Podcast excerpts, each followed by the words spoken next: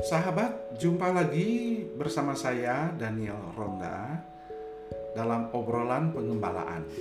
Saya berharap uh, podcast ini akan menjadi berkat bagi saudara-saudara para gembala, sahabat kami yang saat ini sedang mengembalakan baik yang ada di kota, di desa, di kampung, di halam, di pedalaman, dan di tempat-tempat yang terpencil sekalipun.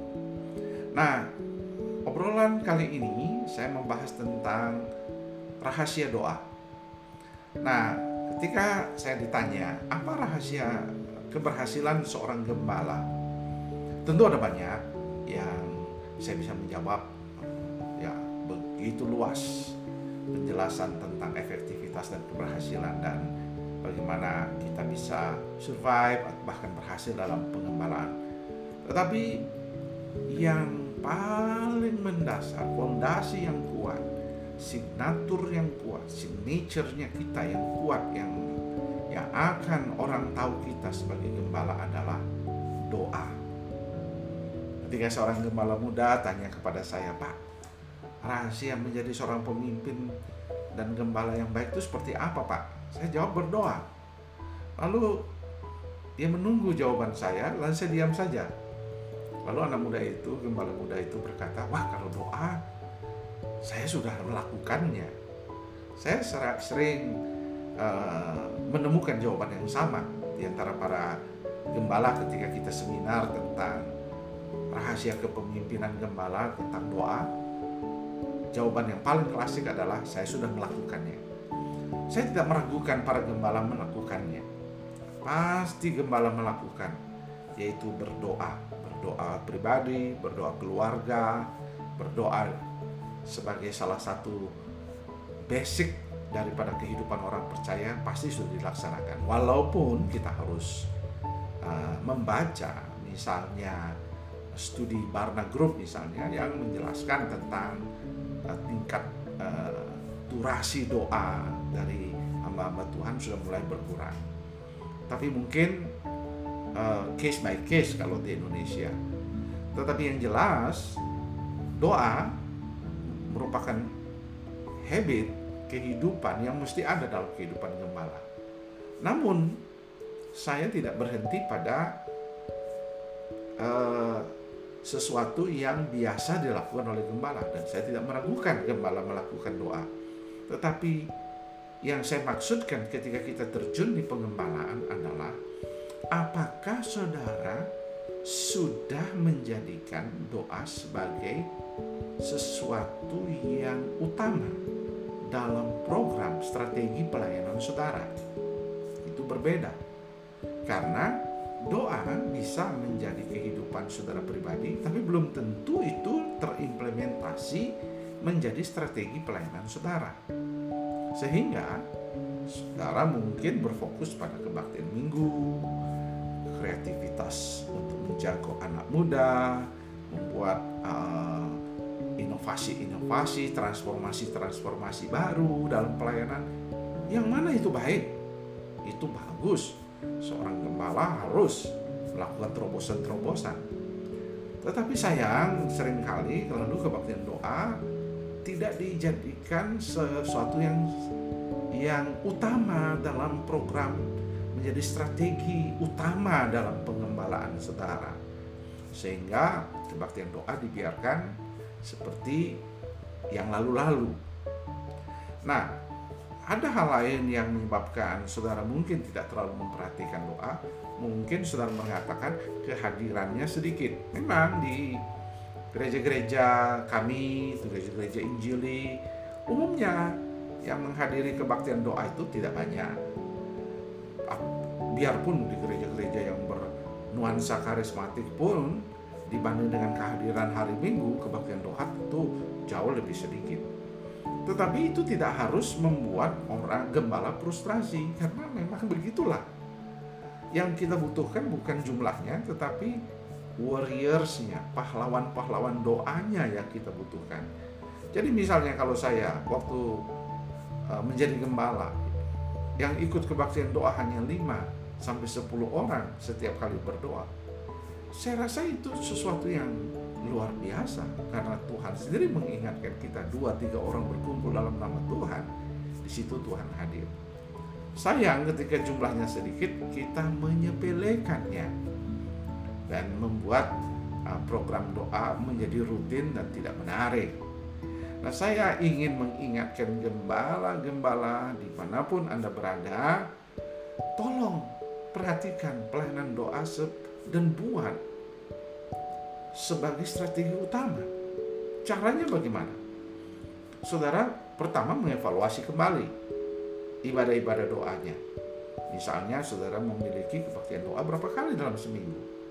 Mungkin saudara punya dua minimal.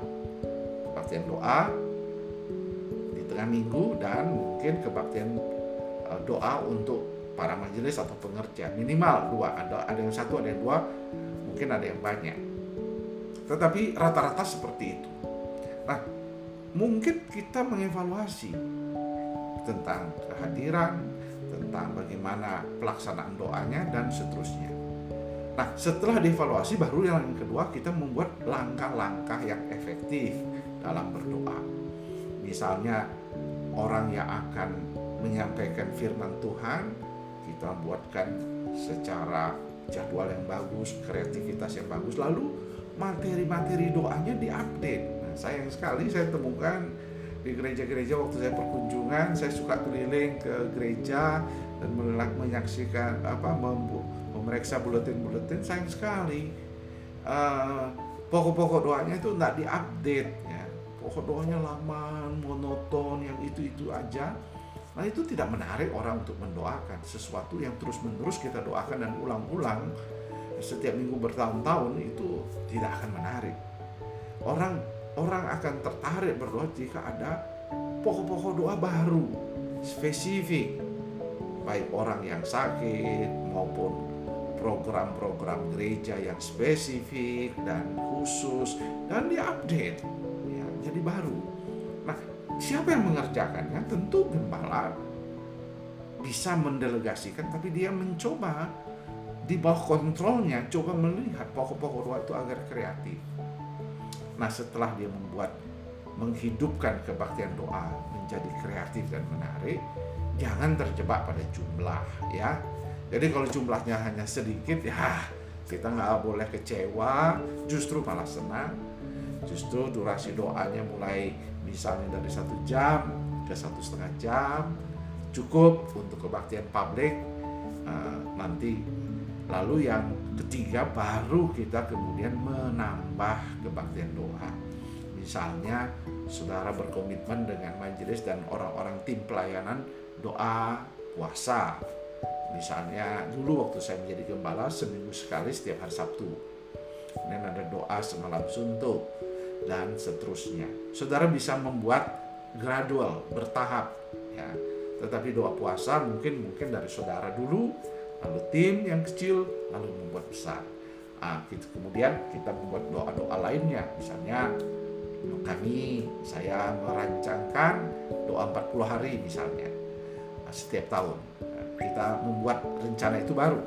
Tapi kita uh, menjadikan doa itu sesuatu yang sangat serius dan dikerjakan dengan benar dan baik dan kreatif sebetulnya. Jadi jangan dianggap sepele. Itu yang saya ingin para gembala mengerti tentang hal itu. Karena apa? Karena eh, ketika saya menjadi gembala, what people expectation? Apa yang orang harapkan? Perhatian, betul. Kasih, perkunjungan benar, pertolongan benar karena definisi pengembalaan merawat, menyembuhkan, menolong, memberkati. Tapi semua itu bisa terjadi. Semua kehebatan perhatian kita, kasih kita kepada jiwa-jiwa berarti kalau ada kuasa yang menyertai dalam pelayanan kita. Sehingga waktu kita memberi nasihat, nasihat kita powerful. Waktu kita berdoa, kita menyaksikan jawaban-jawaban sesuai dengan kedaulatan Tuhan, jawaban-jawaban yang luar biasa Bahkan kita akan menemukan miracle, mujizat, penyertaan, kuasa dan seterusnya. Bukankah itu yang diharapkan dari gereja? Bukankah itu yang diharapkan lah menjadi satu hal yang dikenal di dalam kehidupan gereja dan gembalanya. Jadi, semua itu terjadi ketika saudara spending our times, our lives, kehidupan saudara, waktu saudara untuk sebelum memikirkan program-program gereja yang gede, sebelum kita memikirkan perubahan-perubahan besar, coba membuat satu strategi khusus tentang doa. Doa menjadi habit saudara, gaya hidup saudara, tapi juga doa menjadi strategi. Sehingga begitu tim BPJ, majelis, tim pelayanan sudah menjadikan doa sebagai habit dan gaya hidup, saudara akan bisa melalui yang keempat mendelegasikan, membuat tim doa dan membuat perencanaan doa dan seterusnya.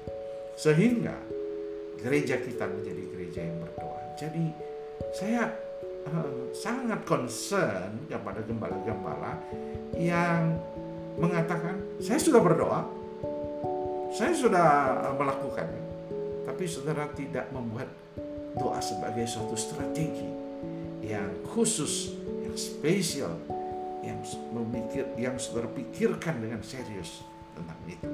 Jadi saya berharap gembala-gembala mulai ya bangkit ya, bahkan mungkin ada tanda petik bertobat ya, supaya saudara mulai memperhatikan kehidupan doa di gereja lokal saudara. Jangan uh, takut jumlahnya sedikit, jangan takut uh, orang yang diajak berdoa sedikit. Nah, memang tidak akan banyak orang tertarik dengan pelayanan doa karena doa itu peperang rohani. Tetapi dia akan tumbuh kalau saudara melihat uh, kehidupan doa saudara mulai powerful akan growing, bertumbuh dia. Dan ketika kehidupan gereja doa bertumbuh, dipastikan pelayanan-pelayanan hari Minggu akan efektif. Pelayanan strategi-strategi yang kita bangun akan luar biasa. Jadi ini obrolan saya tentang pengembalaan. Bagaimana dengan saudara? Kehidupan doa saudara. Ayo periksa. Ayo. Jangan sampai kita menurut Barna Group mulai durasi doa kita kurang dan kita tidak tertarik dengan doa. Kiranya Tuhan menolong saudara ya, para gembala Tuhan memberkati dan menguatkan saudara. Shalom.